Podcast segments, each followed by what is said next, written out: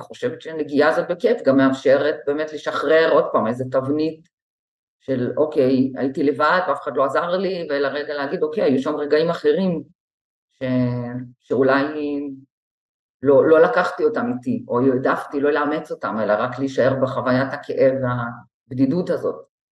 אה, אז אה, זה שאימא שלי לביאה, אני גיליתי עוד לא מעט פעמים במהלך חיי, מה שנקרא.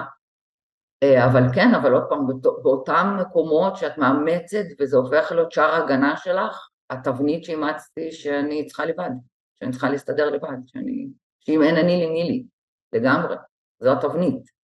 והרגעים האלו שאת מאפשרת פתאום לחשיבה אחרת להגיע, או פתאום להתבונן ולהגיד, אבל היו שם רגעים אחרים שאת בחרת.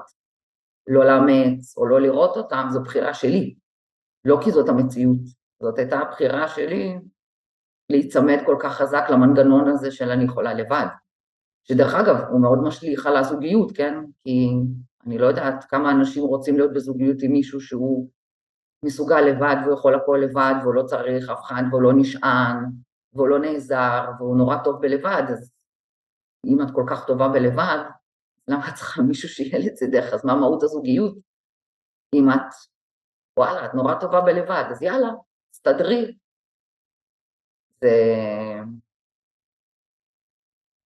הבנתי שזה חזר אליי, כן? הוא בומרנג מאוד גדול, הדפוס הזה שאימצתי. שהוא, שהוא פשוט פגע בי.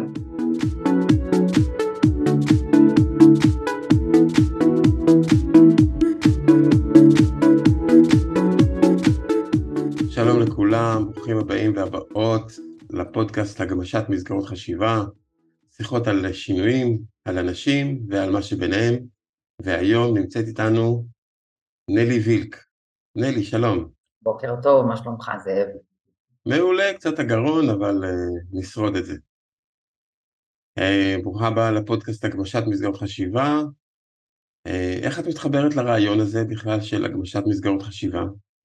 א', תודה שאתה מארח אותי, ואני חייבת להגיד שזה מרגש. ואפרופו הגמשת מסגרות חשיבה, אז חשבתי על זה שכשהייתי ילדה, היה לי איזה חלום להיות שדרנית רדיו. זה כאילו היה בזמננו, בזמני כשאני הייתי ילדה עוד לא היה את כל הרשתות. ונורא אהבתי את האנשים שהקול שלהם נשמע מאחורי הרדיו, דווקא לא מהטלוויזיה. וחשבתי על זה שפתאום זה מין הזדמנות כזאת בצורה אחרת קצת בגלגולי החיים של לעשות פה איזו תוכנית ולהתארח בתוכנית הרדיו שלך. אז uh, תודה שאתה מארח אותי ואני מתחברת להגמשת מסגרות חשיבה, אני חושבת שזה מבחינתי השיעור אולי הכי משמעותי שאני למדתי ואני לומדת כל הזמן, זה שהתבניות שאנחנו הולכים איתן, כולנו, לכולנו יש את התבניות האלו, זה ממש כמו בטון כזה שאנחנו מוצג בתוכנו מגיל מאוד צעיר, והשיעור ההתפתחות התמידי זה לשחרר את זה, זה בעצם כל פעם לעצור, להתבונן, לבחון ולהבין האם אני פועל ממקום של באמת אותן תבניות שהן מאוד מגבילות אותי, גם שומרות עליי, כן? בסוף יש לזה תפקיד משמעותי, או שאני בעצם מצליח להיות בבחירה ולהגמיש את הבחירות שלי ולבחור ממקום מדויק ונכון, אה, שדרך אגב הוא משתנה כל הזמן, כי אנחנו אנשים וזה היופי, בגלל זה אני מאוד אוהבת לעבוד עם אנשים וללוות אנשים, כי אני חושבת שזה מה שיפה, אנשים משתנים כל הזמן, כולנו שונים והתהליכי שינוי והתפתחות הם בלתי נגמרים. אה, אז אני חושבת שזה, אתה יודע, גם בכלל, מאז הקורונה, אני חושבת שזה אחד השינויים הכי משמעותיים שכולנו חווינו לאחרונה, ואני חושבת שאין אדם שזה לא שינה לו משהו בתבניות החשיבה שהיו לו, או בהבנה ששום דבר הוא לא יציב, והכאוטיות היא פה, היא יומיומית וכולנו צריכים לדעת להסתדר איתה וכל הזמן לעשות התאמות ולחשוב בצורה יותר אדפטיבית וגמישה, כי אי אפשר להיצמד לתבניות, כבר פשוט לא עובד, אני חושבת בשום תחום. זה כבר לא עובד לנו.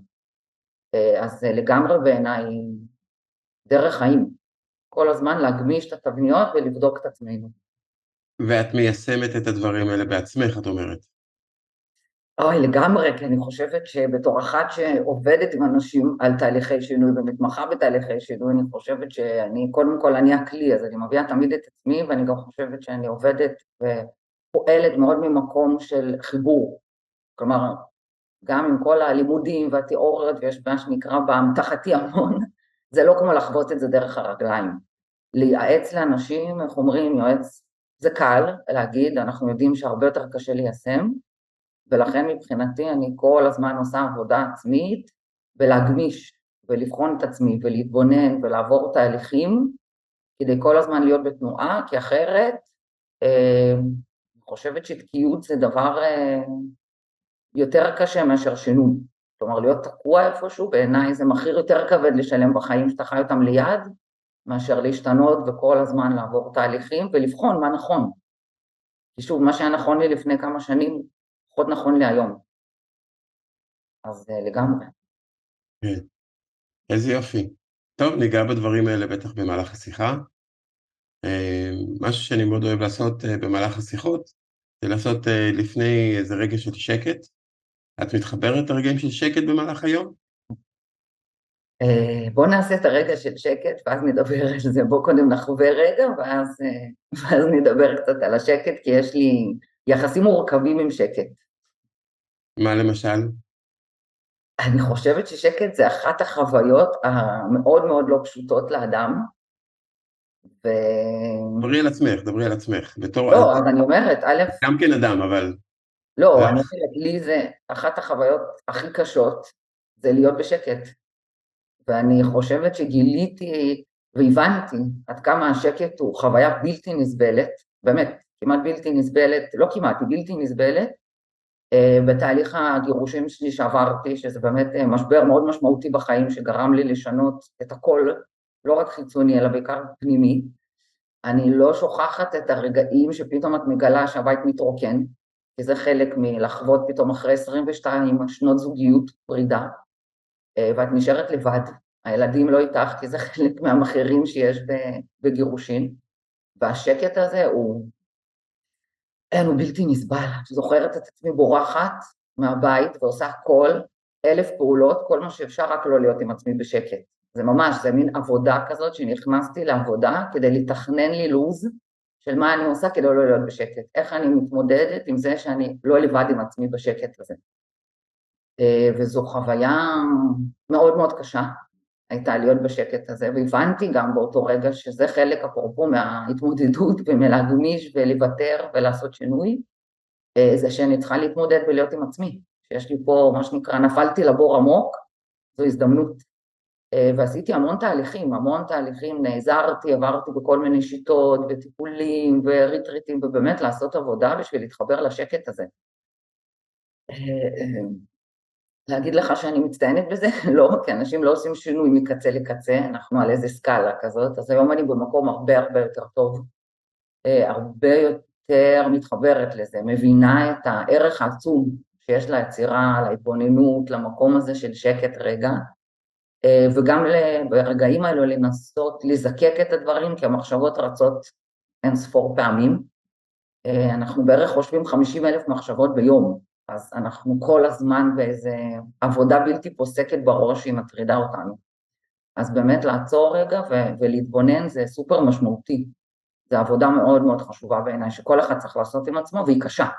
כי ברגע השקט הזה את פוגשת כאב, פוגשת רגשות לא נעימים, אבל הם חשובים. הם חשובים בשביל, כי אם את לא פוגשת את זה בעצמך, את לא באמת מצליחה לעשות לא איזה שהם תהליכים ולא גם לחיות את החיים. כאילו, אני חושבת שמי שלא פוגש את הכאב הוא חי ליד. היום אני מבינה את זה, כי שנים הייתי בבריכה מלפגוש את הרגשות הכואבים האלו. אה, אז זה סופר משמעותי בעיניי וזו למידה. לא לכולנו זה בא. אני יודעת שיש אנשים שכן, אבל אתה יודע, אפרופו רגע ניסוי מעניין, שאני לא יודעת אם אתה שמעת עליו, אבל יש ניסוי מעניין שנתנו לאנשים להיכנס לחדר, שאין בו כלום, חדר ריק, חצי שעה להיות עם עצמם, בלי כלום, ואמרו להם, יש לחצן. ברגע שתלחצו ללחצן, תקבלו שוק חשמלי. חצי שעה יש לכם. אתה יכול לנחש כמה אנשים לא יכלו לשהות בחצי שעה הזאת לבד ולחצו על הלחצן, למרות שהם ידעו שהם יקבלו שוק חשמלי? נחש. אה, אפס. 65 אחוז בערך. מהאנשים העדיפו לקבל שוק חשמלי, כלומר לייצר איזשהו עניין חיצוני, מאשר לשהות בשקט עם עצמם, וזה רק אומר עד כמה זו חוויה שהיא בלתי נסבלת לרובנו, כנראה, לא, לא רק עבורי. כן, יש משהו שיש איזה אסמכתה מדעית, שעשו מחקר, אז זה עוזר לנו להבין שאנחנו לא לבד עם, ה... עם הדפקה שלנו. אה, אה, אז, אבל איפה את עכשיו, אם זאת אומרת, אם אנחנו עכשיו נעשה כמה רגעים של שקט, מה יעזור לך לעבור אותם באופן אה, מיטבי? אז למדתי נשימות, נורא נורא חשוב לנשום, ואני חושבת באמת לעבוד מה-mind בשביל להצליח להכניס איזה באמת שקט, לשחרר את המחשבות ופשוט לשהות. וזה תרגול, אני מתרגלת אותו לא מעט, במיוחד ברגעים שיש לי באמת איזה לחץ, מתח, משהו מטריד אותי, מאוד מדאיג אותי, זה רגע לעצור עם עצמי ופשוט לנשום עמוק, ומה שנקרא לשחרר קצת את ה-mind מהמחשבות האלו, פשוט להיות ולשהות בנשימות. אז בוא נהיה עם ההזמנה הזאת שלך, לנשום, לשחרר את ה-mind מהמחשבות, ונהיה ברגע של שקט. שמתחיל עכשיו.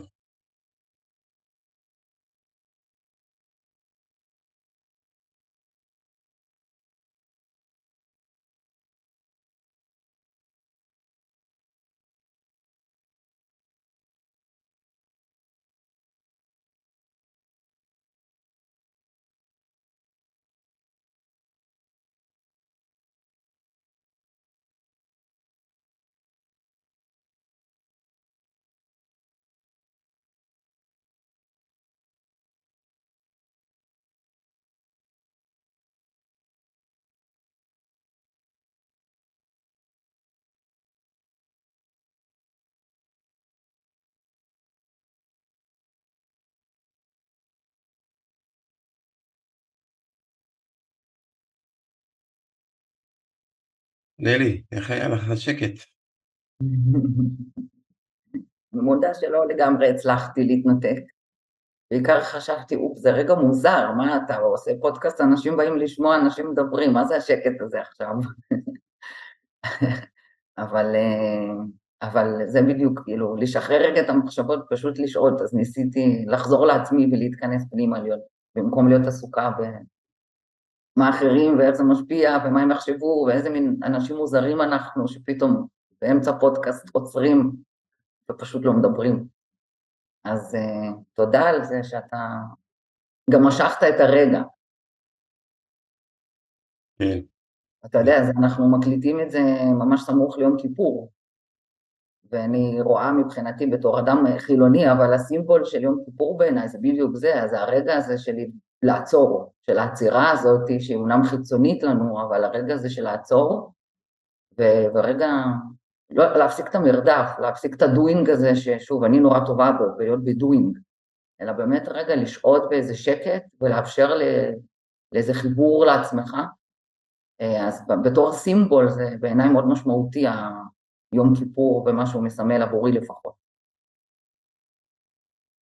כן, כן. איך, איך את חוגגת, איך את uh, מעבירה את יום כיפור, מה את עושה שם? הילדים אמרת שיצאו מהבית? לא, הילדים שלי לא יצאו מהבית, הילדים שלי גרים חצי מהשבוע אצל אבא שלהם, חצי מהשבוע איתי. Uh, מה אני עושה ביום כיפור? Uh, אז אני חושבת שאני באמת מאוד מנסה ליהנות מהשקט הזה שאין טלפון ואין שיחות ואין הפרעות ויש איזה משהו נורא משחרר כזה שאפשר גם אפרופו בלשחרר את עצמי משימות, כי אני באמת מאוד חזקה במשימות, אני בן אדם בסוף מאוד משימתי, השילוב הזה של להיות בצד היותר, נקרא לזה, לא אוהבת את המילה כל כך רוחני, אבל להתחבר יותר למקום הרגשי לצד המשימתיות, זה גם איזה איזון כזה שלקח לי הרבה זמן לייצר בעצמי.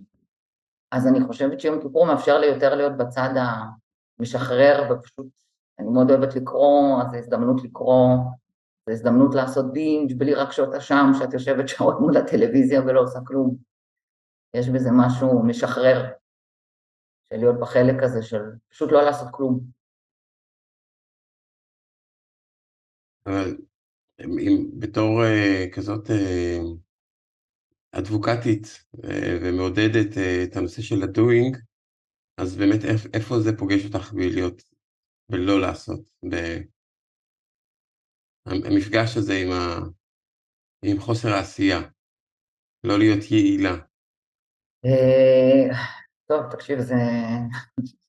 נושא שמה שנקרא נוכח בטיפולים שעשיתי לא מעט, בכלל ההבנה הזאתי, שה... שהמון המון שנים הדוינג, אני, אני אראה את התנועה, כי אני זוכרת את התנועה שאחד לפחות מהטיפולים שהייתי בהם זה התנועה הזאת שהראש, המחשבה והרגש, שהם בסוף חיים אחד לצד השני, שהמון השנים הראש פשוט הוריד את הרגש, כל פעם שהיה עולה רגש, זה הראש היה בעצם מוריד את הרגש, וגורם לי להיות מאוד ב-doing, כי doing הוא כן, הוא הסחת דעת, שמאפשר אה, לא להיות בחיבור לעצמי, ואני באמת זה, זה שוב, זה תהליך קודם כל שנופל לך האסימון, ואת מבינה שאת לא נותנת לרגש להיות נוכח, כי את כל כך התרגלת וסיגלת לעצמך את ההרגל הזה של doing, שזה הופך להיות מנגנון הגנה מדהים, כי את כל כך יעילה, את תקתקנית, את כל הזמן עושה, ואת בתחושת הצלחה גם גדולה, כי הנה אני עושה. אה, עד שאת מבינה, שוב, במקומות שזה לא עובד, שזה מקום של, אה, וואלה, שוב, כאילו, כנראה שהכי מתחבר לשם זה בתקופה של באמת ה... המאבק שניהלתי על הנישואים שלי, זה עשיתי המון, כי זה מה שאני יודעת לעשות. כלומר, מבחינתי, אני יוצאת עכשיו למאבק, ואני בדוינג. זה אומר שאני אלך לטיפול לבד, וטיפול זוגי, ואני אעשה, ואני אעשה את כל השיטות, ואני אקרא, ואני אלמד, ואני אעשה את כל מה שאפשר, בשביל בעצם, אתה יודע, להציל את הנישואים שלי, כי אני יצאתי למאבק, והמאבק הזה הוא doing, זה מה שאני יודעת. וההבנה הזאת שזה, ה-doing הוא לא בהכרח עובד, שהייתה מאוד מאכזבת, הייתה מאוד מאוד קשה להבין את זה שה-doing לא עובד. מתי הבנת שצריך לעשות משהו כדי להציל את הנישואים? מתי הבנתי שאני צריכה לעשות משהו כדי להציל? להציל, או, או אולי הבנת שככה זה לא עובד. לא, זה היה טריגר חיצוני, זה לא בא ממני, זה בא מהצד השני. שביום אה, בהיר אחד, טוב כולם אומרים את זה כנראה אפרופו זה כולם, ביום בהיר אחד הופתעתי, כי אנחנו מעדיפים לא לראות את הדברים, בדיעבד דרך אגב, ברטרוספקטיבה היו המון נורות אזהרה שפשוט התעלמתי מהן, והרגעתי את עצמי ואמרתי, בסדר, יהיה בסדר, זה יסתדר, תקופה, כולם ככה, ילדים קטנים, אז כולם יש להם משברים, אחרי שנים ארוכות ביחד, לכולם אין תשוקה, אין, נו בסדר, כמו כולם, איך אמרת? המחקרים ואחרים זה מנגנון הרגעה נהדר, אה, אז כן, העלמתי, התעלמתי מהרבה נורות אזהרה, עד שפתאום יום אחד, אה, בתוך אה, מה שנקרא כשאת חווה משבר אז מגיע עוד אחד, יש איזו נטייה כזאת לצרות רבו, לבוא בצרורות מה שנקרא, מצאתי את עצמי עושה איזה צעד נורא אמיץ בעיניי, והתפטרתי ממקום עבודה, פעם ראשונה שיעזתי להגיד לעצמי אוקיי, אני רוצה לעשות משהו אחר, ופשוט החלטתי שאני עוזבת מקום מאוד טוב, אחד המבוקשים, הייתי בתפקיד מאוד מאוד מבוקש, והחלטתי שאני רוצה הפסקה, וקיבלתי את הגיבוי, מה שנקרא, מבעלי לשעבר, שאמר לי, יאללה, לכי על זה, פעם ראשונה בגיל 40 מגיע לך. ושבועיים אחרי, הוא בא ואמר, אוקיי, מגיע לך, אבל עכשיו אני גם רוצה להתגרש. לא רק שאת בלי עבודה, אז גם בואי נתגרש, מה שנקרא. ומבן אדם שהוא, שליטה זה הדבר הכי חזק שיש והכי משמעותי לי, מצאתי את עצמי לגמרי בלי שליטה, אה, ואז זה לא נשארה לי ברירה, כי הרגשתי זה, לא בחרתי בזה, אפרופו לשחרר שליטה, אלא אני צריכה לצאת למאבק. עכשיו, אני נלחמת על החיים שלי, נלחמת על המשפחה שלי, אה, אז אה, לא, לא בחירה שלי. אם אתה שואל, לא, לא הייתי כזאת חכמה לעצור בזמן, להגיד וואי, יש פה נורות אזהרה, תעשי משהו, אל תתעלמי. היום אני יודעת להגיד את זה בדיעבד, אם יש דבר מאוד מאוד חשוב שאני אומרת לאנשים, אל תתעלמו מהבעיות, כשהן קטנות הרבה יותר קל לפתור אותן, אבל הנטייה שלנו להטמין את הראש בחול ולהגיד זה יחלוף, זה בסוף האויב הכי גדול שלנו. אנחנו עצמנו פשוט הורסים לעצמנו בזה שאנחנו לא עוצרים, לא מסתכלים לאמת בעיניים, לא אומרים לעצמנו רגע יש בעיה, בוא נעזר, בוא נעשה משהו, אלא פשוט מתעלמים. אה, ואז משהו חיצוני נוחת עלינו, אה, ואז זה הרבה יותר קשה, הרבה הרבה יותר קשה להיות במקום שלא בחרתי בזה, אלא מישהו הנחית עליי את הבשורה הזאת והייתי צריכה לפעול. אז פעלתי איך שאני יודעת, ודוינג. אז בעצם בעלך הגיע ואמר, שמעי, אנחנו צריכים לדבר, זה לא את זה אני, וניפרד. אה, כן, משהו כזה, לא יודעת אם זאת השיחה שהייתה, אבל כן, ברוח הדברים, כן. והוא השאיר שם מקום לבואי נעבוד על זה, בואי נמצא דרך. אה, לא, אני חושבת שגם כי בכל דינמיקה זוגית באופן טבעי יש צד אחד שהוא מאוד ה, מה שנקרא הדומיננטי והמוביל והצד השני הוא באופן טבעי יותר הפסיבי נקרא לזה, אה, אז לא, פשוט בא שם עובדה על השולחן, כנראה גם מתוך אה, ציפייה או ידיעה שמי שיפתור את זה זאת תהיה אני ולא הוא, כי זה האוטומטים של שני הצדדים, אני הפותרת, אני העושה, אני היוזמת, אה, ולא, האמת היא שהוא לא בא עם שום הצעה, חוץ מאשר לזרוק עליי פצצה ולתת לי פטיש של 200 קילו על הראש, לא. אבל אתה יודע, עוד פעם, אוטומטים, אין פה חופש בחירה, את פשוט עושה את מה שאת יודעת, אז את אומרת, אוקיי, אז אני אפתור את זה, תן לי, אני, אני אפתור, יהיה בסדר. אני יודעת מה לעשות. את בעצם צריכה בעצם לשכנע אותו, בוא נעבוד על זה, או ש... מה זאת אומרת? כן, אני נכנסת לשכנוע עמוק של אה, למה, כאילו, בכל זאת, 22 שנה ביחד. אה, סך הכל, אני הבנתי, לא באותם רגעים, אחר כך שאני נלחמת על ה... לא על הזוגיות, נלחמת על המשפחה שלי. ודרך אגב, זה, אם יש איזה אידיאל שמאוד מאוד רציתי אותו ומאוד שאפתי עליו ומאוד שימרתי אותו, זה אידיאל המשפחה. וכי משפחה, אני חושבת שאין מישהו, דרך אגב, מהסביבה שלא הופתע, כי זה היה איזה מודל של משפחה מאוד מאוד, מודל מאוד יפה של משפחה. ואני מבחינתי, זה החלום שלי, המשפחה שלי שבניתי, כאילו לא קריירה ולא שאר הדברים שהצלחתי בהם, אני נלחמת על המשפחה שלי, אז מבחינתי, כן, יצאתי לשכנועים וכל מה שאפשר לעשות כדי לשכנע אותו וגם את עצמי, שזה, שאין סיבה, אנחנו צריכים להיות ביחד. סתם איזה ג'וק שקפץ לו על הראש פתאום עכשיו. וזה היה מסע מאוד ארוך של שכנועים. דרך אגב, גם עצמיים, זה לא כדי לשכנע את הצד שני, אתה צריך משהו מאוד מאוד להאמין בו בעצמך. אה, עד שהאמונה הזאת התחילה להתמוסס, מתוך זה שנכנסתי לתהליכים של טיפול ועבודה והבנה של מה, על מה אני נלחמת, אתה יודע, אני חושבת שאחד הרגעים המש... המהות, באמת, המפוצצי מוח כזה, של פתאום הבנתי שמשהו פה קורה, זה שב... ונעזרתי בהרבה אנשי מקצוע ובהרבה שיטות שניסיתי, ואני זוכרת באחד התהליכים שעשיתי, השאלה שנשאלתי הייתה שאלה על פניו מאוד פשוטה, היא שאלה אותי המטפלת, על מה את נלחמת? עכשיו, וואלה, כאילו, שאלה הכי פשוטה, לא כאילו, לא צריך להיות מטפל גדול כנראה בשביל לשאול אותה, אבל היא הייתה מפוצצת המוח, כי אמרתי, לא שאלתי את עצמי את השאלה הזאת, ואף אחד לא שאל אותי את השאלה הזאת, זה פתאום היה שאלה של אפרופו עוצרת, ואת אומרת, אבל כמובן שמהתחלה יש התנגדות מאוד גדולה, כן? את אומרת לה, מה זה השאלה הזאת? נלחמת על המשפחה שלי, על מה, על מה את שואלת, איזה מין שאלה הזאת, יש בך המון כעס והתנגדות.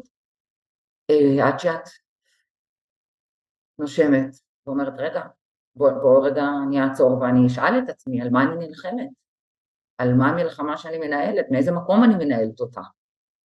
וזו הייתה שאלה שעשתה לי המון שינוי. לקח לי זמן, שוב, זה לא קורה ביום, לא יומיים, זו שאלה שהדהדה לי המון המון זמן, ודייקתי את זה, עד שמאוד מאוד הייתי צריכה לדייק לעצמי, למה אני ועל מה אני נלחמת, ואם זה באמת מה שאני רוצה, או שאני פועלת מתוך אותו אוטומט של הרגלים, תבניות, אחיזה באיזה סטטוס קוו שמאוד נוח להישאר באזור העמוקה. אה, כן, זו הייתה דרך שערערה לי המון תבניות. אמרת מקודם שיש אידיאל המשפחה.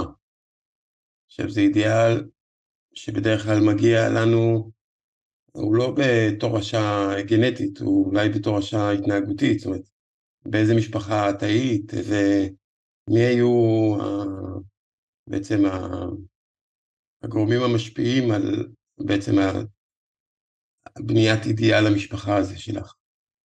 אה, כן, טוב, כולנו, אתה יודע, תבנית אה, נוף מולדתנו ולהורינו ולמשפחת המקור יש השפעה עצומה על זה, אז אני, כי בתור בת יחידה, אה, החוויה הזאת של להיות בת יחידה, היא הייתה תמיד חוויה של אה, אי נוחות מאוד גדולה. אני זוכרת שממש מגילאים צעירים הייתי הולכת לישון ומבקשת שההורים שלי החליטו שמגיע לי אח או אחות, שאני לא רוצה להיות לבד.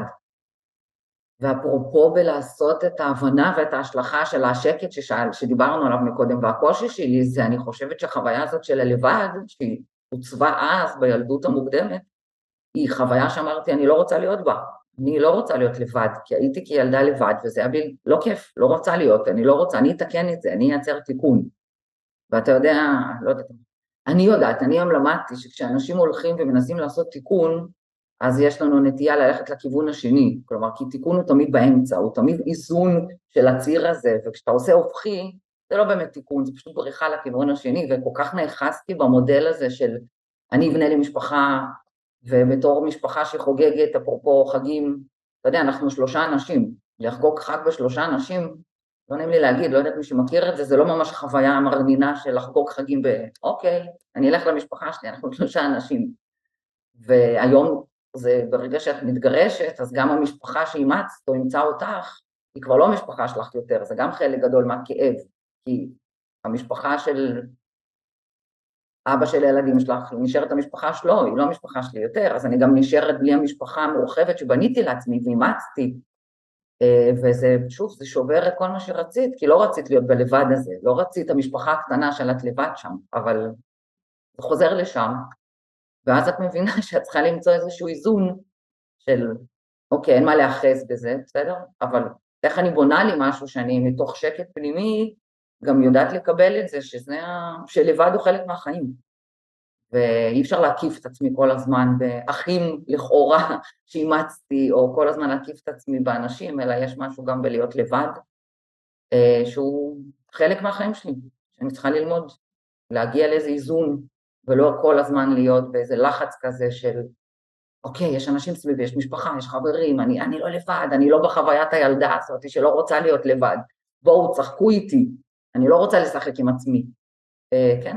אה, צריכה לשחק עם עצמי גם, וללמוד להבין שזה כנראה לא חוויה כזאת נוראית, אלא לאמץ את זה ולחיות באיזושהי יותר השלמה עם עצמי, בתוך המקום הזה של הלבד. רגע, אתה לא שומעת אותך? אתה במיוט?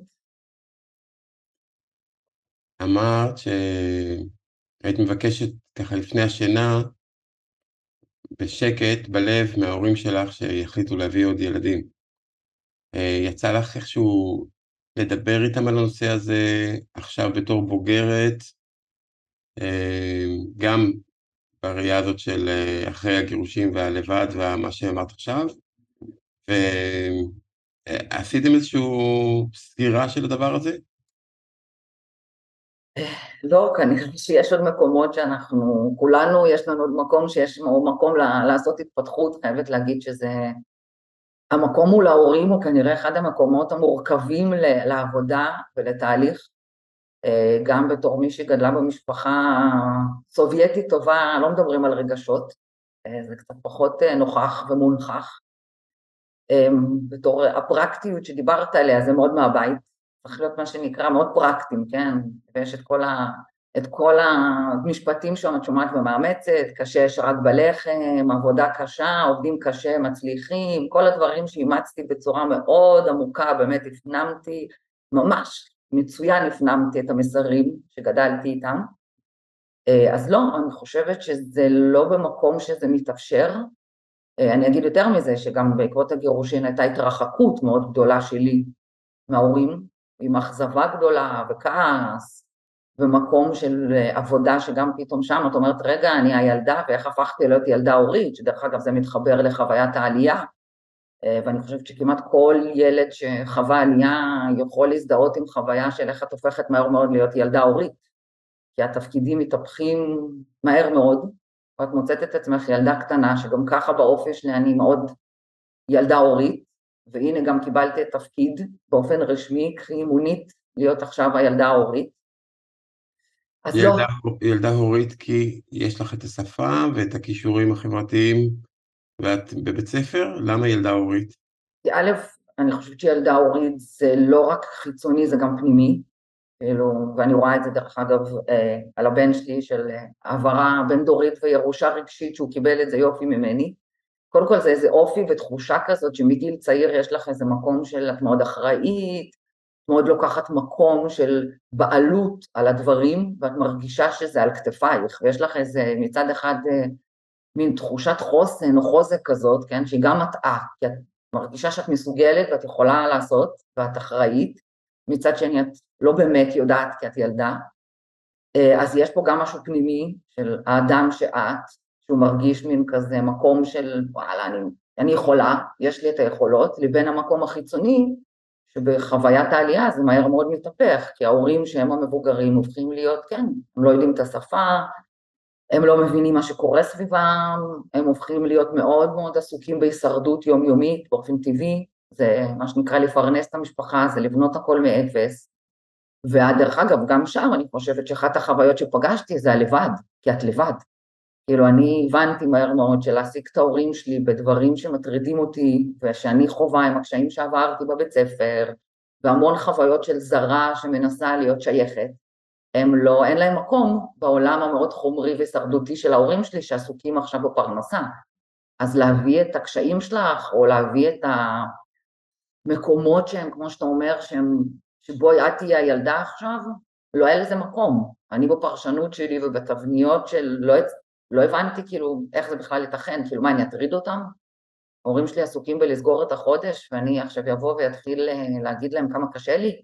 נו באמת, תסתמי סליחה ותתקדמי, אין פה מקום שיהיה קשה. את, מה שנקרא, תתמודדי, כי את יודעת להתמודד וזה השיח הפנימי שאת מפתחת. זה, זה היה גם באמת השיח האמיתי או שזה משהו שהיה אצלך בראש?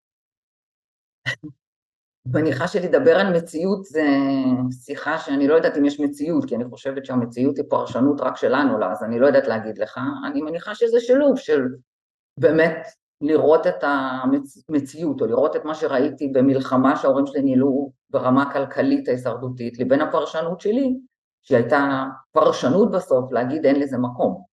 ולא בדקתי את זה, לא הגמשתי את הגבולות בתור הילדה הזאת שבאה ואמרה בוא אני אנסה, למרות שאני כן זוכרת חוויה של פעם אחת שהיא הייתה שחוויתי איזה בריונות והיה לא מעט בתור ילדה עולה חדשה שמנסה להשתלב, חוויתי לא מעט חוויות של בריונות ושל דחייה. ואני זוכרת שפעם אחת אימא שלי, כן, על אחד מהם שמעה ואני לא, זוכ... לא שוכחת את החוויה הזאת שהיא, עם כל זה שהיא לא ידעה את השפה, היא פשוט יצאה למלחמה ועכשיו כשאני מדברת זה כאילו מאוד מרגש כי היה שם משהו שפתאום הרגשתי הילדה שכן מגינים עליה, כי היא הלכה לבית ספר והיא עשתה, היא פתאום נלחמה על זה של רגע, את הילדה ואני האימא. וזאת הייתה איזו חוויה מאוד עוצמתית בתוך ההתמודדות הזאת של, טוב, אני לבד, אין פה מישהו יעזור לי, כאילו תתמודדי, וזו הייתה חוויה שאני לא שוכחת אותה. עד כמה היא פתאום הייתה לביאה הזאת שהיא הראתה לי, שאני אולי לא לבד, שאני כן יכולה להישען קצת.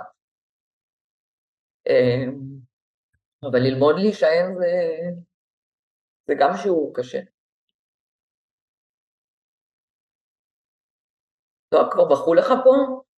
או שאני הראשונה שהולכת כן. לבכות פה. נעשה חיפוש, מהבכי. של רגעי בכי. כן. איך את עם הבכי? אמ, אני בכיינית לא קטנה, למרות שלא בדרך כלל לא רואים עליי, אבל אני בוכה במקומות שהם דווקא סרטים וכאלו, בלבכות את עצמי אני למדתי, גם זה היה, אה, גם זה היה איזשהו תהליך שאני למדתי גם בתור אחת שאחר כך למדה והלכה ולמדה ייעוץ וכלים הטיפולים, זה שתמיד אמרו שימו את הטישו רחוק, או שימו את הטישו ב, במרחק נגיעה, אבל אל, אל תגישו את הטישו, כי אז יש איזה מסר של לעצור את הדמעות, כשמישהו מגיש לנו טישו זה כאילו, עצרי, אין מקום לבכי. ובכי זה חשוב, זה, זה משחרר, זה, זה, זה מחבר, זה בא בכי ממקום של באמת איזושהי נקודת חיבור, שהצלחת להחזיר אותי לאיזה נקודת כאב, וזה חשוב, זה חשוב לפגוש את המקומות האלו, אז אני, אני בסדר, אני, אני, אני מתחברת לזה היום, מנסה לא... מנסה להישאר שם גם כשזה מגיע. כן, אני שאלתי על הבכי הספציפי הזה שעכשיו אה, בכית, זה לא נשמע שזה בא מתוך כאב, זה היה נשמע שזה בא מתוך איזשהו דווקא איזשהו גילוי של אה, איזה אימא מהממת הייתה לי. יכול להיות שיש בזה גילוי, אבל זה גילוי מעורבב באיזשהו כאב פנימי שיש שם על החוויה הזאת של... כן, אבל אני חושבת שהנגיעה הזאת בכיף גם מאפשרת באמת לשחרר עוד פעם איזה תבנית של אוקיי, הייתי לבד ואף אחד לא עזר לי, ולרגע להגיד אוקיי, היו שם רגעים אחרים ש... שאולי לא, לא לקחתי אותם איתי, או העדפתי לא לאמץ אותם, אלא רק להישאר בחוויית הכאב והבדידות הזאת. אה, אז אה, זה שאימא שלי לביאה, אני גיליתי עוד לא מעט פעמים במהלך חיי, מה שנקרא. אה, אבל כן, אבל עוד פעם, באותם מקומות שאת מאמצת וזה הופך להיות שער הגנה שלך, התבנית שאימצתי שאני צריכה לבד, שאני צריכה להסתדר לבד, שאני, שאם אין אני לי מי לי, לגמרי, זו התבנית. והרגעים האלו שאת מאפשרת פתאום לחשיבה אחרת להגיע, או פתאום להתבונן ולהגיד, אבל היו שם רגעים אחרים שאת בחרת. לא לאמץ או לא לראות אותם, זו בחירה שלי, לא כי זאת המציאות, זאת הייתה הבחירה שלי להיצמד כל כך חזק למנגנון הזה של אני יכולה לבד, שדרך אגב הוא מאוד משליך על הזוגיות, כן? כי אני לא יודעת כמה אנשים רוצים להיות בזוגיות עם מישהו שהוא מסוגל לבד והוא יכול הכל לבד והוא לא צריך אף אחד והוא לא נשען והוא לא נעזר והוא נורא טוב בלבד, אז אם את כל כך טובה בלבד, למה את צריכה מישהו שיהיה לצדך? אז מה מהות הזוגיות? אם את, וואלה, את נורא טובה בלבד, אז יאללה, תסתדרי. זה...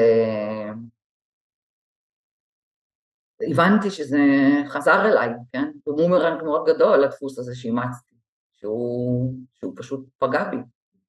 כי לא אפשרתי למי שהיה לצידי, או לאנשים שיש סביבי, להיות גם משענת עבורי, ולהרגיש שיש להם חלק משמעותי, והם, יש להם תפקיד כל כך משמעותי בחיי, כי אני צריכה אותם, אלא כי כל הזמן שידרתי איזה מין כזה, לא צריך, אני מסתדרת, אני לא צריכה אף אחד. ומה שאת משדרת, לא נעים להגיד, זה מה שהעולם מחזיר לך, אז זה מה שהעולם החזיר, של אוקיי, לא צריכה אותי, אז תסתדרי לבד, ואני מאז uh, הרבה יותר לומדת להישען, להיעזר. פתאום גיליתי שיש לא מעט אנשים שאני יכולה, כן, יכולה להיעזר בהם, וזה תלוי בי, כי ברגע שאני באה ואני משתפת ואני מדברת ואני מביאה את עצמי חשוף ובפגיעות, זה מה שמאפשר קשר, זה המקום לקשר. כשאת מביאה משהו מאוד uh, מוצק ומאוד כזה עגול, אבל גם מאוד מושלם כזה של הכל בסדר ואני בסדר והכל טוב, מאוד קשה לייצר קרבה. שאין שם איזה סדק של כאב, של פגיעות, של פחד, זה, זה לא פוגש אנשים, או לא פוגש אותם מספיק לעומק, בוא נגיד ככה. כן, מעניין. זאת אומרת, אה, איפה, אז איזה אנשים אה, מצאת שאפשר להישען, להיעזר בהם אה, בתקופה הזאת? אה, מצאתי, מצאתי לא מעט אנשים, מצאתי מאוד חברות נשית, שלא מעט שנים פחות הערכתי אותה, או פחות, שוב, באופן, במנגנונים שלי פחות השתמשתי בה, זה לא שלא היו לי חברות, אבל אני חושבת שזה לא הייתה חברות שיכולתי שוב, מהמנגנונים והמסכות שלי להישען. וגיליתי שגם הצלחתי להכניס לא מעט אנשים חדשים לחיים שלי, דווקא מתוך המשבר הזה והתחושה הזאת שיש עוד נשים סביבי שאולי פגשתי בגיל מאוחר יחסית, אבל גם הן עוברות את המשבר הזה של הגירושין, שההתמודדות הזאת, שיש שם נוצרת איזו אחווה ומקום להישען בו, ופעם אחת את נשענת ורגע אחרי זה נשענים עלייך, אז יש שם איזושהי משענת ונדנדה כזאת מאוד מאוזנת של חברות, בעיקר נשית, שאפשר בה להיות חשופה ופגיעה ולהביא את הבכי הזה ולהביא את הקושי ואחר כך אה, להביא את ההתרגשויות החדשות שיש כשיוצאים פתאום וחווים חיים חדשים בתור ה... פתאום את יוצאת לעולם הדייטים ויש שם המון התרגשות שכיף לחלוק אותה, אז פתאום כשאת מביאה את עצמך כך, את מגלה שיש לא מעט אנשים שהם כן יכולים להיות שם עבורך כשאת מאפשרת את זה, שזה זה תלוי בי, כאילו זה, זה תגובה של אנשים למה שאני מביאה, אה, ולקשר וליכולת להעמיק את האינטימיות ו- ולהיות באמת בקשרים עמוקים ולא לא ליד. אה, כן, זה, זה, זה גם חלק מהמסע הזה שאת לומדת. להתחבר לעוד אנשים ולהקיף את עצמך. ואיך עם לשתף את הילדים בפגיעות שלך? אמ, אני חושבת שאחד הדברים שאימצתי באמת בצורה אינטואיטיבית, אני חושבת, או אפרופו תיקונים, זה שאני מביאה את הדברים ושמה אותם מאוד על השולחן, כי אני בן אדם מאוד אה, ישיר ומאוד שם את הדברים בצורה ישירה, ואני אגיד שלא פעלתי לפי הספרים והעצות כנראה של מיטב הפסיכולוגים, גם לא בדרך שילדים שלי עודכנו על הגירושים, אה, ואני הבנתי שאני, זאת אני, אני לא כל כך יודעת להסתיר ולכסות על עצמי יותר מדי כי רואים עליי, ופשוט החלטתי שזה, אני אהיה חשופה, אבל באיזונים נכונים כדי לא להעמיס עליהם. אה, ואני חושבת שהבנתי שזה גם איזון מאוד עדין בין להביא את עצמך ולהביא את הפגיעות ואת הקושי ולשתף אותם, אה, כשהבן הקטן שלי שלושה חודשים ישן איתי במיטה, עכשיו הוא, הוא לא, הוא ממש לא אוהב לישון, בחיים לא רצה לישון איתי במיטה, זה אף פעם לא היה איזה עניין של עניין אותו, והוא פשוט עשה את זה מתוך איזו יכולת אמפתיה מאוד מאוד גבוהה ורגישות ואינטליגנציה רגשית עמוקה שם, שהוא הבין שהוא צריך להיות בשבילי, והוא אמר לי, אמא, אני עכשיו עובר לישון איתך במיטה. בשלושה חודשים הוא לא עזב, עד שהוא לא שידרתי לו שהוא יכול לשחרר, והבנתי שאני חייבת קצת גם לאזן את זה, כי אני לא יכולה להעמיס עליו את זה, ואני צריכה לשחרר. ואז אמרתי לו, אתה יודע מה, אתה יכול לחזור למיטה, ואני לא, לא אשכח איך הוא אמר לי, אמא, את בטוחה? את בטוחה שאת תסתדרי? והילדים שלי תקופה לא קצרה יוצאים מהבית, כל פעם משאירים אותי ושואלים, אמא, את תסתדרי, אמא, תהיי בסדר? והבנתי שזה חלק מהתהליך, אז זה גם לשחרר אותם, כי אחרת אני... אז יש איזון ואיזה קו בין לשתף, להיות פגיעה, לבין גם לזכור את התפקיד שלי כאימא, ואני פה המבוגר האחראי, ואני צריכה לשמור על, על זה שהם יהיו ילדים בחוויה הזאת.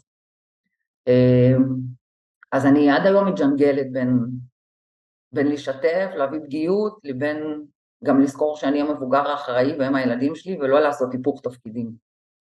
אבל כן, אני בהחלט משתפת, מביאה, אה, אתה יודע, יש פה המון בדיחות בבית, צוחקים עליי, פה יש לי שני בנים, שיח רגשי זה לא בדיוק משהו שמדבר אליהם, אז אה, חופשי יורדים עליי פה. הרבה פעמים הילדים שלי עושים לי, אפרופו היפוך תפקידים, מתחילים לשאול אותי, אז מה, איך את מרגישה? או שאלה, איפה זה פוגש אותך? הם נורא אוהבים לצחוק עליי ולהגיד, איפה זה פוגש אותך? אז זה קשה לך? כל מיני כאלו, שזה כבר הפך לו מין שיח בתוך הבית, של שיח יותר רגשי. זה היפוך תפקידים אולי מה... מהמקצוע החדש שרכשת לעצמך, של מטפלת.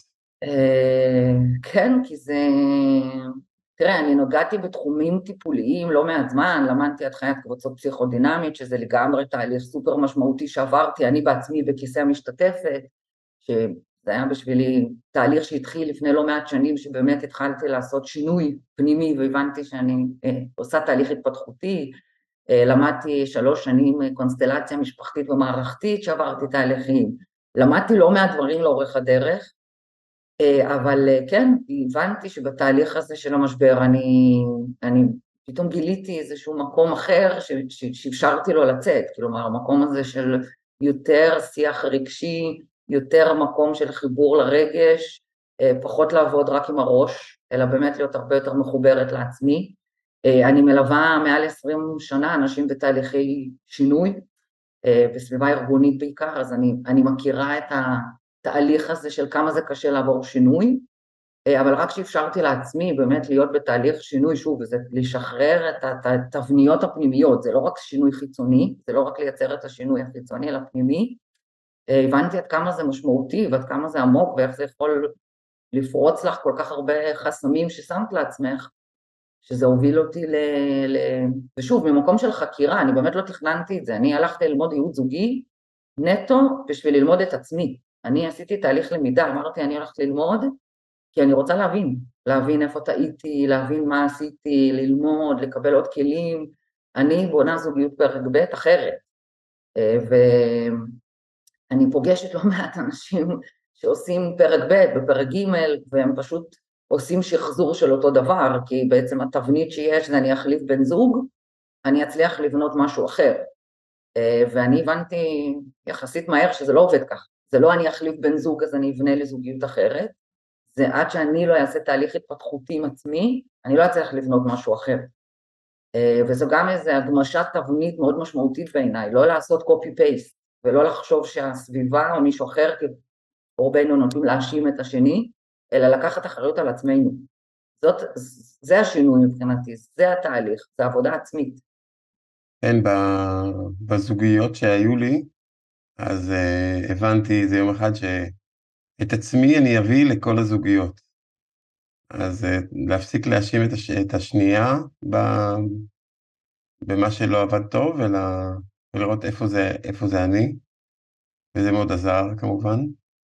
זה, זה מאוד להבין שאתה לא יכול לברוח מעצמך, כי כמו שאתה אומר, אתה מביא את עצמך לכל מקום, וגם כשאנשים שומעת אומרים, אבל בעבודה אני בן אדם אחר מהבית, זה עוד פעם איזה סיפור שהוא לא באמת, כי אנחנו אותו אדם, עם אותו סנטר, עם אותם, אותו אדם שמביא את עצמנו בכל מיני מקומות, ואתה יודע, בתופ, במופעים קצת אחרים, אבל אנחנו הולכים עם עצמנו לכל מקום, אין, אין פה, אין, אין משהו אחר, אנחנו כל מקום אותו אדם. אנחנו אותו אדם, אבל באמת אנחנו יכולים להביא אה, יכולות שלנו לידי ביטוי, כי, כי בנינו איזושהי אה, מסגרת חשיבתית של אני עכשיו המרצה, או אני המצחיקול, או אני המשהו כזה, זאת אומרת, לי יצא לעשות הרבה מעברים במהלך החיים שלי, אה, אם זה מעברים בין אה, בתי ספר וכיתות, ואחרי זה אה, בצבא עברתי בין הרבה יחידות, ואחרי זה בין הרבה עבודות, אז בכל מקום אני יכולתי לבוא ולהיות קצת אחר. הייתי בקורס טיס, אז הייתי עייף וקשה לי הריצות, ואחרי זה הגעתי לקורס חובלים, והייתי המספר אחד בריצות ובקפיצות, וכולם הסתכלו עליי, וואו, איזה כושר.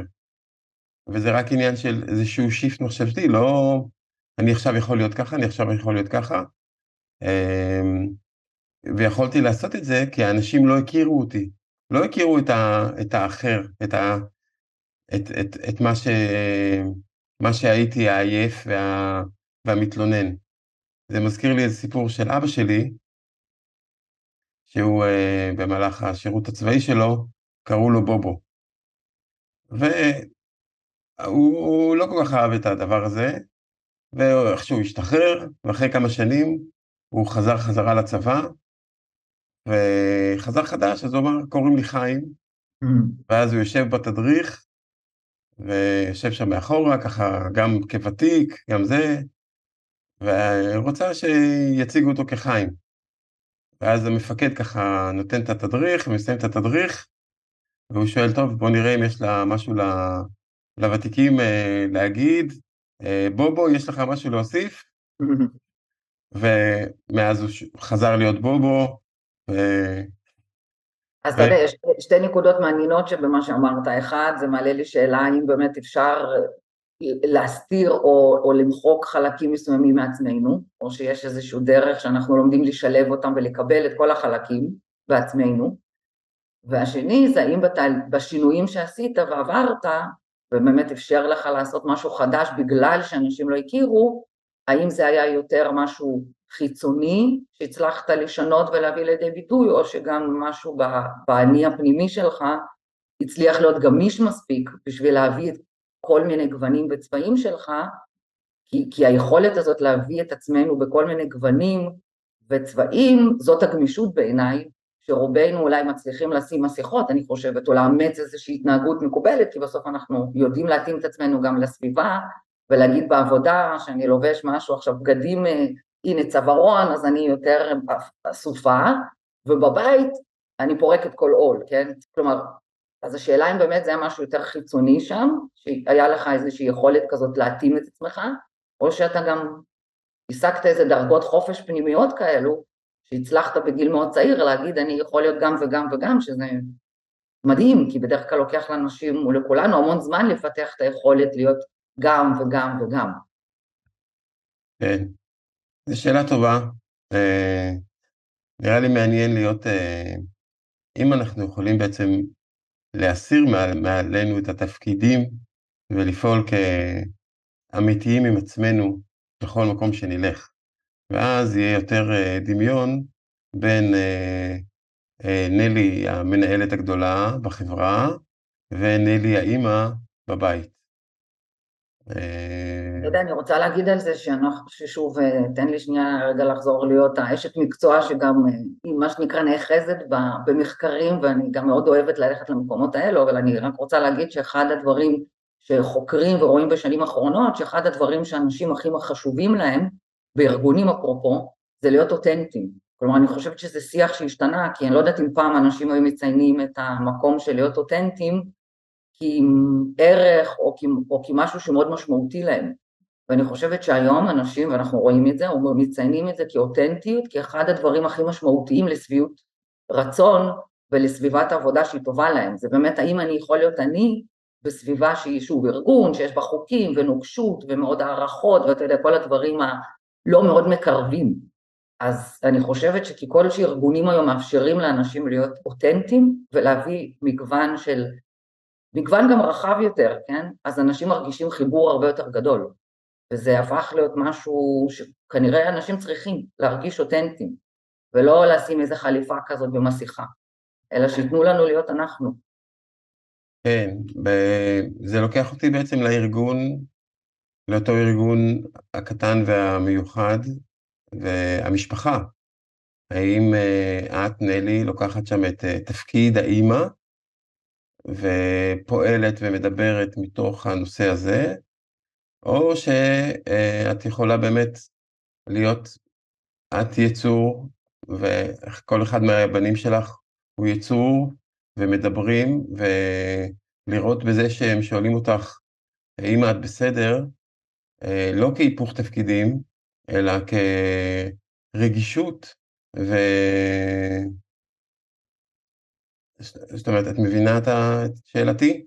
אני, אני מבינה את שאלתך, ואני חושבת שאתה מדייק במקום הזה של באמת, של, של עוד פעם, של הפרשנות שאנחנו נותנים למציאות מתוך עולמי הפנימי, וזה זה התהליך, כלומר זה, זה המקום הזה של לאזן ולעצור ולשאול את עצמי, ועוד פעם, לא ללכת על אוטומטי, כמו שאתה אומר, הפרשנות הטבעית אולי מתוך הפחד שלי זה להגיד, רגע, שלא יהיה פה היפוך תפקידים, שלא יקרה להם מה שקרה לי, לבין להבין בתהליך עם עצמי של לשאול את השאלות ולהתבונן בשביל לתת לזה פרשנות אחרת. כי הפרשנות היא, שוב, זה סיפור שאני מספרת לעצמי, ויכול להיות המון סיפורים שאני יכולה לשנות אותם בשביל להבין את המציאות אחרת.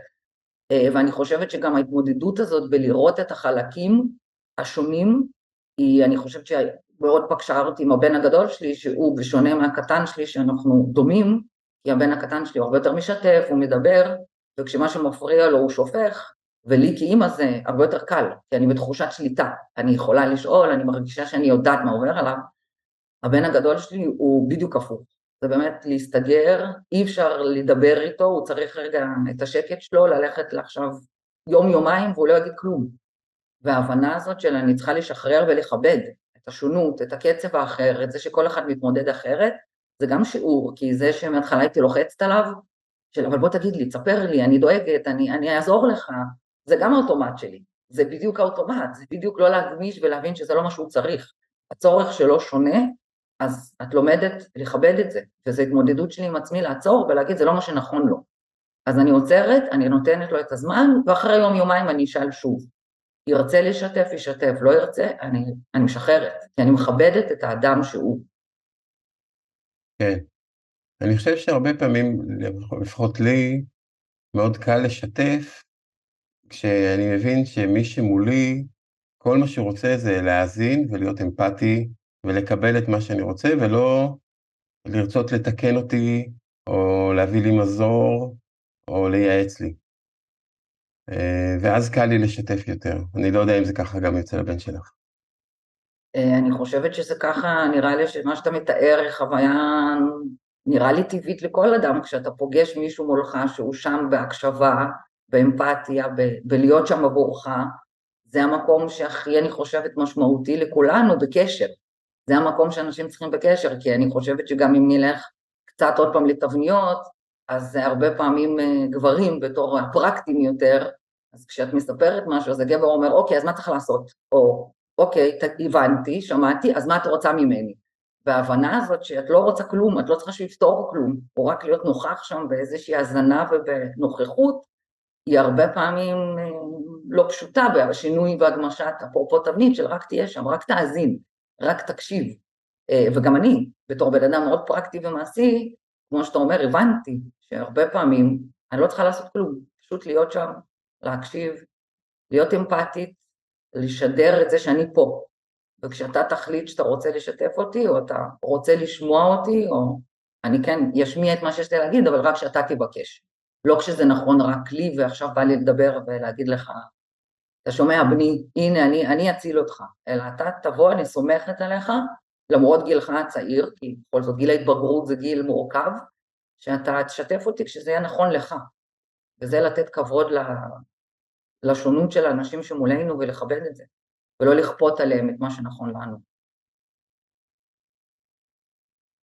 אז את כל התובנות האלה והחוכמות האלה שגם למדת וגם בעצם פגשת אותם ותרגלת אותם במשפחה שלך, את בעצם מביאה אותם לטיפול? איך את מביאה את הדברים האלה לפגישות האישיות שלך עם, עם נשים, גברים שהם מחפשים את הטיפול? אז אני, א', אני קוראת לזה, לא קוראת לאנשים שאני פוגשת אה, מטופלים, כי אני גם לא, לא, לא אני קוראת לזה מונחים, בסדר? אה, ולא מטופלים.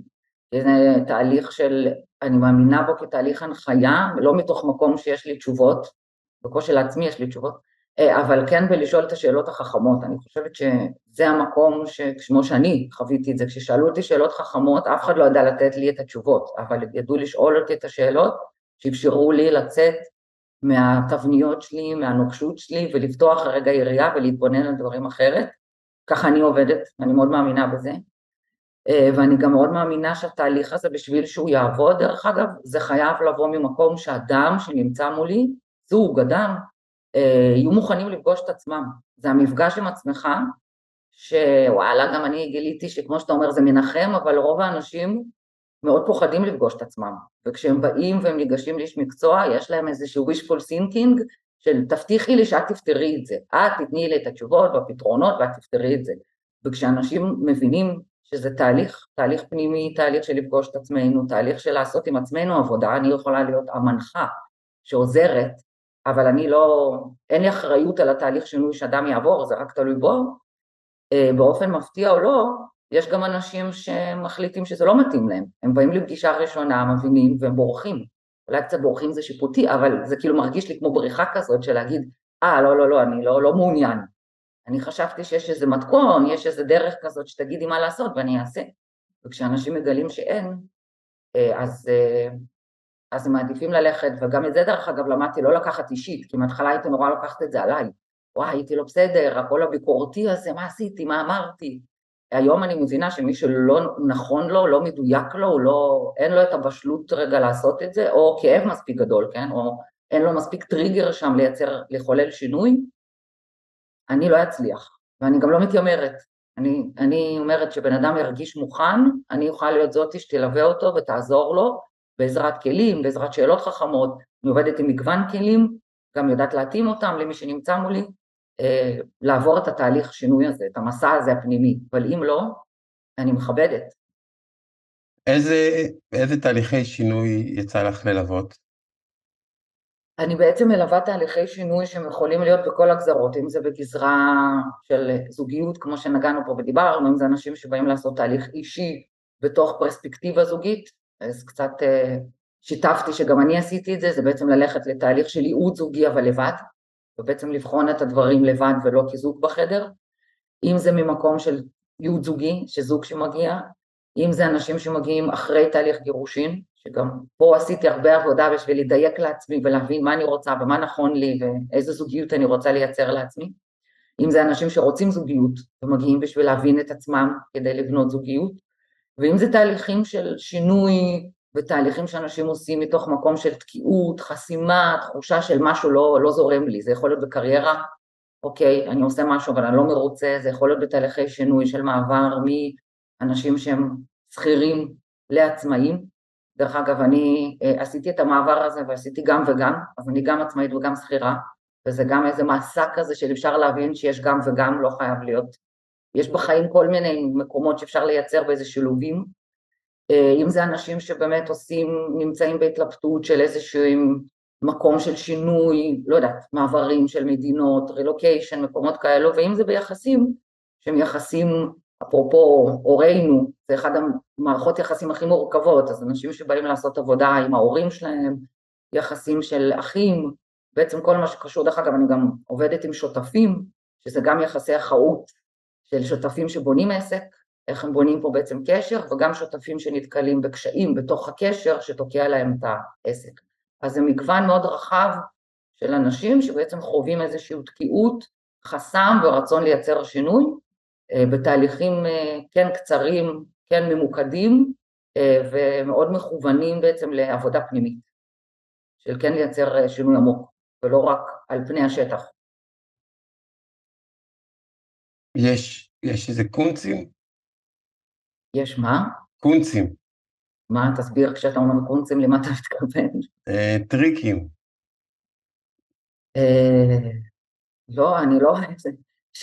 הכשלת אותי, לא הייתי חושבת על זה, נשמע כמו איזה קוסם כזה ששולף שפן מהכובע ואומר, הנה, יש לי קסם או טריקים. לא, אבל יש כלים, אני חושבת שבעבודה שצריך לדעת להנגיש נכון, אז אחד הכלים שאני עובדת איתם, והוא כמעט ולא מוכר בארץ, למרות שיש לו יותר ויותר חשיפה, זה קונסטלציה מערכתית, משפחתית, שהוא כלי השלכתי, שעובדים בתנועה, בעצם כלי שמאוד פוגש את האנשים במקום שאפשר לא לדבר, כי אני חושבת שלך ולי נראה שאנחנו, לא יודעת כמה זמן אנחנו מדברים, אבל זה בא לנו כנראה יותר קל, אבל יש אנשים שמאוד קשה להם לבטא את הרגשות שלהם, אז הכלי הזה מאפשר באמצעות עבודה בחלל, עם בדים, לייצר השלכה בצורה מאוד מאוד קלה, של אנשים מצליחים לבטא את עצמם ולהגיע למקומות מאוד עמוקים בתהליך מאוד מאוד קצר.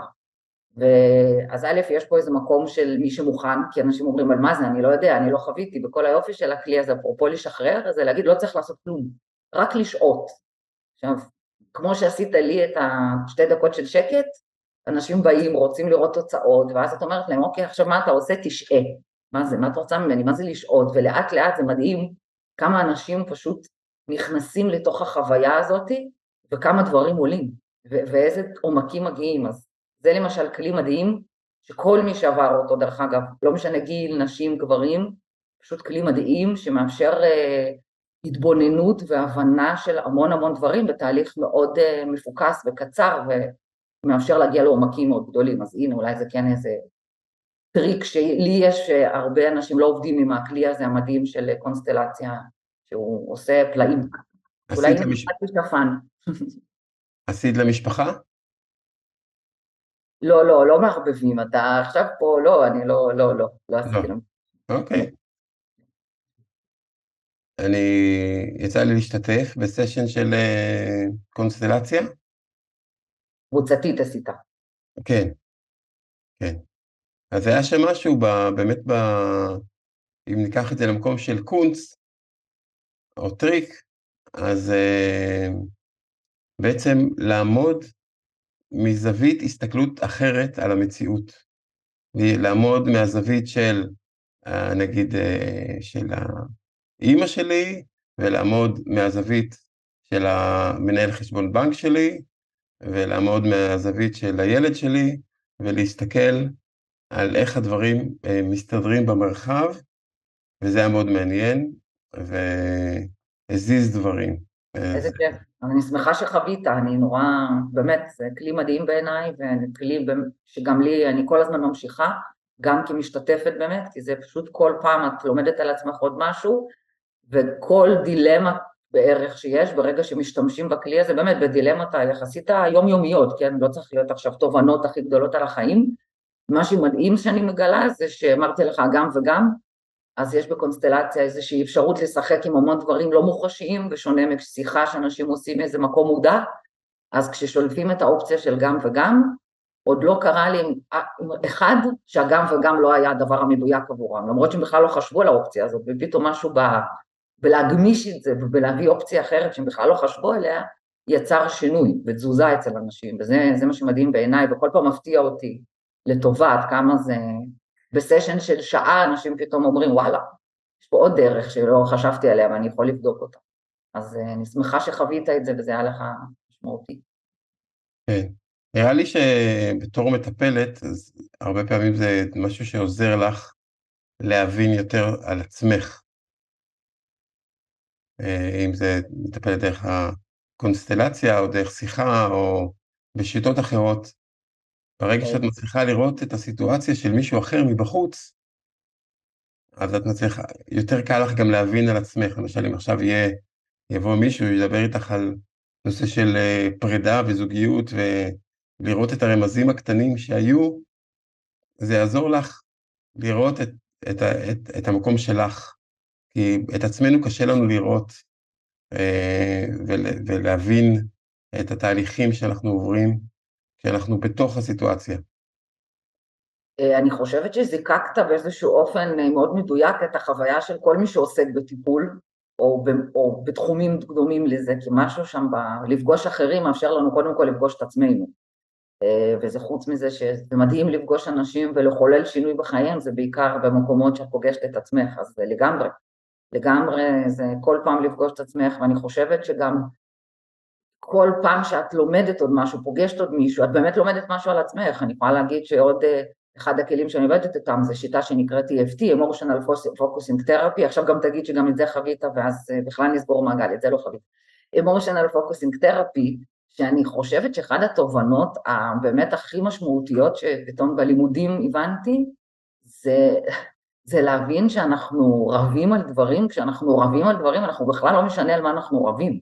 ואני חושבת שזה אפרופו הגמשת גבולות, זה להבין שכולנו רבים על קשר, וכשאת לומדת את זה ואת מבינה שאת רבה על, על קשר, ובכלל לא על מה שאנשים רבים, כל זה לא חשוב, זה לא משנה אם את רבה עכשיו על הכלים, הלילה, לא, את רבה על הקשר, זו הייתה תובנה, וואו, כאילו מאוד שינה לי את כל הדרך שאני מסתכלת על עצמי, על המערכות יחסים, ולהבין שזה בכלל נשען על מקומות כל כך הרבה יותר עמוקים, ולא, שזה, כל הסימנים החיצוניים, לא על זה רבים.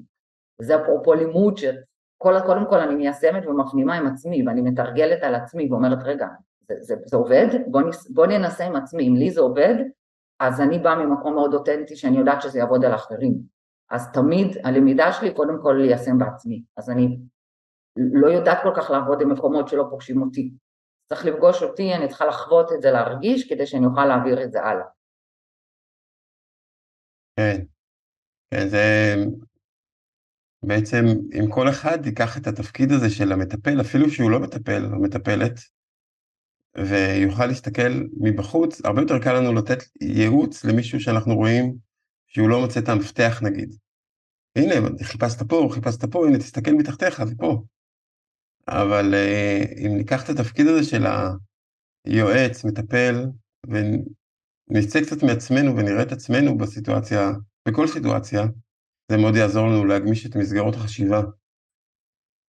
ואני חושבת שאחד הכלים, אולי אם, אם נהיה רגע שנייה קצת יותר פרקטיים, ואני יודעת שציינת שגם את הכלי הזה אתה מכיר, אז אני באמת מרגישה שיש פה, אתה חווה גם ומתחבר להמון כלים, ואיזה כיף שאתה אדם שסקרן מספיק לפגוש את עצמך. אז אני חושבת שאחד הכלים שיכולים להמחיש את זה, זה העבודה של ביירון קייטי, שהוא כלי, שוב, אני לא עובדת רק עם הכלי הזה, אני לא מומחית של העבודה של ביירון קייטי, אבל אחד הכלים שאני משתמשת בהם, ואני חושבת שהם דוגמה מאוד פרקטית ויחסית נגישה וקלה ליישום של מה שאמרת, ושאני עושה גם עם עצמי, ואני חושבת שאפילו יש ארבע שאלות, שוב, לא, לא הולכת להיכנס למודל, אבל אני חושבת שמה שלי עוזר, זה כשקורה לי משהו ואני כועסת ואני נסערת ואני עכשיו באובר פרשנות עם עצמי, אני חושבת שאפילו שתי שאלות הראשונות מתוך הארבע מאוד עוזרות לי, והשאלה הראשונה היא, האם זאת האמת? כן, לא. אני שואלת את עצמי, האם זאת האמת? בדרך כלל התשובה היא כן, כי זאת האמת שעכשיו אני חווה אותה, ואז שאני שואלת את עצמי את השאלה השנייה, האם את יודעת בוודאות שזאת האמת, ושזה בוודאות נכון, 99% מהזמן אני אגיד לעצמי לא, ואז ברגע שיש את הלא הזה, משהו חדש מתאפשר לו. פתאום מתחיל להיות איזושהי רגע רגיעה, ובגלל זה תמיד עושים את זה בדיעבד דרך אגב. כאילו צריך רגע לתת לדברים לשקוע, ואפילו בשתי שאלות הקטנות האלו, אני, אני חושבת שזה פתאום מאפשר לנו, אוקיי, רגע, זאת לא האמת. אז, אז בואו שנייה נצא טיפה זום אאוט מהסיטואציה, ועם שאלות המשך ננסה להבין מה היה שם, מה גרם לי לסערה כזאת, למה פירשתי את זה ככה, כי זאת לא אמת, זאת הפרשנות שלי, מתוך עולמי הפנימי, שוב, מנגנוני הגנה, תבניות, זאת לא אמת. אפילו שתי שאלות האלו, כשאת שואלת את עצמך, אוקיי, אז איך הגבתי כשאני מאמינה לסיפור הזה? מה, מה היה שם? מה התגובה שלי? מה קרה לי? ואז אני שואלת איך הייתי מגיבה אם לא הייתה לי המחשבה הזאת, אלא הייתה עולה מחשבה אחרת, מאפשר פתאום לספר סיפור אחר. והסיפור הזה מאפשר לייצר תגובה אחרת כלפי אותו אדם. אה, וזה בעיניי כלי ששוב, אני משתמשת בו המון, פשוט לשאול את עצמי באותם רגעים את השאלות האלו, נכון שכשזה כלי שבדרך כלל צריך לעשות אותו עם עוד מישהו, כי נורא קשה לעשות לבד, אבל אפילו עם עצמי, כשמאמצים את זה, ואני נמצאת היום ברמת מודעות מאוד גבוהה, אז יותר קל לי, זה כבר עושה לי שינוי מאוד משמעותי ב... בלייצר מציאות שונה. אז הנה עוד קונצים.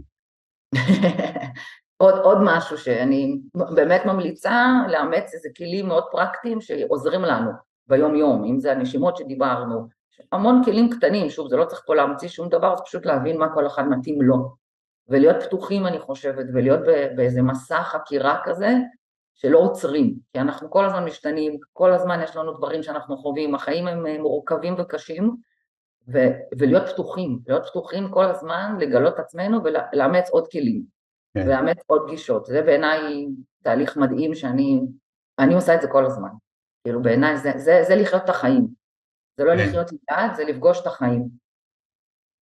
ולספר סיפור ש... איזה כיף זה לדעת שיש לנו יכולת לספר את הסיפור שאנחנו רוצים, שזה תלוי בנו. לגמרי, לגמרי. אני חושבת שזה, אולי בזה אמרת מסר לאומה.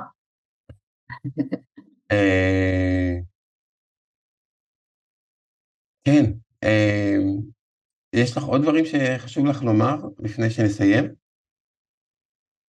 אה, אני, אתה יודע, זה היה לי משמעותי והיה לי מסקרן ומעניין ועוצמתי, אז תודה לך על היכולת שלך להקשיב, ואני חושבת שבאמת הקשבת מתוך השאלות ששאלת וידעת גם לדייק את המקומות שגם קצת ניסיתי לכסות עליהם, אני מודה שלרגעים אמרתי אולי הצלחתי, אבל אז תודה לך שהיית קשור ואותנטי ואפשרת לי להביא את עצמי אה, ואני מקווה שזה עבר, גם האותנטיות וגם המקומות שהם, שזאת אני באמת, אה, זהו, אז תודה על ההזדמנות. אה, זהו. איזה כיף שאת שמה לב לדברים האלה ו... ומציינת אותם, זה נותן לי גם כוח להמשיך וגם הבנה שמה שאני עושה ומה שחשוב לי הוא באמת אה, אה, נתפס ומוערך על ידך לפחות. לגמרי, אני לגמרי, אני לפחות זה היה לי משמעותי ואני חושבת שהדרך שלך לעשות את זה היא, היא דרך אה, לא פחות טיפולית כנראה מכל מטפל, אז שאתה יודע להוביל את האנשים למקומות האלו ולדייק ולזקק, אה, וגם הצלחת להביא, להביא את הכאב באיזשהו מקום ואת הדמעות, שזה גם אומר שזה היה משהו מאוד אה, חשוף, שהתאפשר כן. בינינו. כן. אה, כן. בעניין הזה של דמעות, אני באמת מציע להסתכל על זה גם דמעות של אושר. זה היה דמעות של אושר. לפי, אני, אני, כאילו, את סיפרת משהו מאוד מאוד נחמד ונהדר על אימא שלך. יש מקום לדמעות של אושר. מסכימה איתך, ויש גם כנראה מקום עדיין של לעשות עבודה של יותר הערכה והוקרה להורים ולהגיד לאמא שלי, אמא אוהבת אותך, ולדעת לעשות את זה יותר בקלות, כי זה עדיין לא פשוט להביע את הרגש הזה, וזה עוד תהליך שיש מקום לעשות בו עבודה, אז תודה לזרקור הזה. כן, אז אני אגיד גם כן, אמא, אני אוהב אותך. איך שיצאנו פה, אוקיי, אמא, מה עם אבא? אבל אבא יעלה, אז אני צריכה להגיד גם לאמא וגם לאבא. אוהבת אתכם ותודה על מה שאפשרתם לי לצמוח ולהיות. איזה כיף, איזה כיף. אז תשלחי להם את הסרטון. אני אחשוב על זה. אני, אם, אם כבר באתי להיות חשופה ופגיעה, גם לא ידעתי לאן זה ילך, אז מה שנקרא, עד הסוף. כן. אמ, איפה אפשר אה, לראות, לשמוע אותך, להכיר אותך עוד? אה, אז הדרך, אה, בדרך כלל כשאני משמיעה את עצמי, ואני מודה שאני יותר משמיעה את עצמי בכתב, אז אולי אתה פה פתחת לי פה איזה פתח של אולי אני אצליח גם יותר מול מצלמה, כי זה איזה חסם, עוד אפרופו הגמשת תבנית שעוד לא הגעתי לשם, אז בפייסבוק, נלי וילק בעברית, ואני מה שנקרא דואגת לשתף שם את מחשבותיי, חוויות אישיות מאוד ממקום אישי, דרך אגב כשהתחלתי לכתוב קראתי לזה שיעור פרטי, מאז יש שילוב של שיעורים פרטיים ושיעורים של אחרים, אבל אני מאוד, מה שנקרא, מצאתי את זה תרפויטי, כי מההתחלה, דרך אגב, חשיפה זה היה מאוד מלחיץ. מה, אני אכתוב את עצמי וכולם יקראו את זה ויראו ויציצו לי, וגיליתי שזה תהליך מאוד משמעותי עבורי, דרך אגב, וגם שחררתי אפרופו מה חושבים, אתה יודע, מההתחלה הייתי עסוקה בלייקים, כמה לייקים יהיה היום? לא, זה פשוט דרך עבורי לבטא את עצמי, להוציא את הדברים על הכתב, ואני חושבת שביירון קייטי קוראת לזה downloading, כשכותבים עושים איזה downloading מתוך המערכות ומתוך העומס הרגשי, להוריד את זה לכתב, זה מאוד downloading, אז מבחינתי עוד כלי שעובד לי נהדר, אז אני ממליצה לכולם לכתוב, יש בזה משהו מאוד מרפא. אז... עוד קונץ. עוד קונץ, לכתוב, תכתבו למגירה, זה לא באמת משנה, אבל בלכתוב יש לזה, זה תהליך מאוד, מאוד מקל בעיניי, את העומסים הרגשיים שלנו. לגמרי. אני ממליץ ללמוד כתיבה עיוורת, ואז הכתיבה... עיוורת? כתיבה עיוורת, על המקלדת. אה, כתיבה עיוורת על המקלדת, חשבתי משהו של איזה כלי שלומדים לכתוב עיניים עצומות או משהו. כן, את יכולה לכתוב בעיניים עצומות ולהיות מחוברת לרגשות שלך. וזה הופך את ההוצאה החוצה לכתב יותר אותנטית. ובמחשב, לא בכתב יד. במחשב. אבל אפשר גם בכתב יד, אבל אז יותר קשה לכתוב בעיניים עצומות. זאת אומרת, לא יותר קשה, אבל יותר קשה לשמור על השורות. צודק, לא ניסיתי את זה, אז אני מניחה שכן. ואנחנו נשים את התיאורים ואת הקישור לפייסבוק שלך פה בתיאור הסרטון, ואם יש לך איזשהו אה, מישהו שהיית רוצה להמליץ שגם כן יתראיין בפודקאסט שלי? וואי, יש מלא אנשים מעניינים שאני מכירה, אבל אני חושבת שאם אני רגע אגע מהזווית שהיא יותר אולי קרובה למה שנקרא, לתחום העיסוק שלי שפה דנו בו, אז יש את עורך דין דליה שאול, שהיא עורכת דין לענייני משפחה, ואני לא יודעת אם היא תסכים להיחשף, אבל יש לה גם סיפור אישי מדהים, ואפרופו הגמשה, ואפרופו דרך שהיא עשתה כשהיא הגיעה לעסוק בעריכת דין, היא עשתה איזה שינוי בקריירה, היא גם מטפלת באוכלוסייה בעיניי, שזה נושא מאוד משמעותי של נשים שחוות אלימות, נושא מאוד משמעותי בעיניי, בלדון ובלשים אותו אפרופו חשוף על המפה, אז, ואישה קוראת לעצמה עורכת דין עם נשמה, ואני מודה שגם לי יש קצת סטיגמות ותבניות על עורכי דין, אז היא באמת עורכת דין עם נשמה, שאני הכרתי אותה אמנם לא מזמן, אבל אישה מעוררת הערצה, היא פשוט אישה עם סיפור חיים מדהים וסופר מעניין, אז אני בטוחה שיהיה לך מעניין לפגוש אותה. מעולה, אז תעשי את הקישור בינינו. אני אעשה את הקישור. נהדר. שמחה. ועוד רגע לפני סיום, מסר שיש לך לומר לעצמך, לאימא, לילדים, לעולם? אני חושבת שאני אחזור על מה שדיברנו לקראת הסוף, אני חושבת שהיכולת שלנו לכתוב את הסיפור של עצמנו היא תלויה בנו, ואני חושבת שלחזור למקום הזה של לקחת את המקום הזה של להאמין שאנחנו יכולים לכתוב את הסיפור ולהיות אמיצים מספיק, חשופים מספיק, סקרנים מספיק, זה בעיניי משהו ש... שפשוט, שמתווה לי את הדרך, וכשאני נתקלת בקושי, בחסם, בכל מה שנקרא שהחיים מובילים אותם, אני פשוט בודקת. אני, אני בודקת האם זאת האמת, או שאפשר לתת לה פרשנות אחרת כדי גם להגיע ליעדים חדשים. אז אני חושבת שאם נהיה אמיצים וסקרנים, ונגמיש קצת את הגבולות העומק שלנו, נוכל להגיע למקומות נפלאים. נהדר. אז תודה רבה, נלי וילק. תודה רבה, תודה רבה זאבה שאירחת אותי. כן, ולכל מי שצלח את הפודקאסט הזה וצלחה,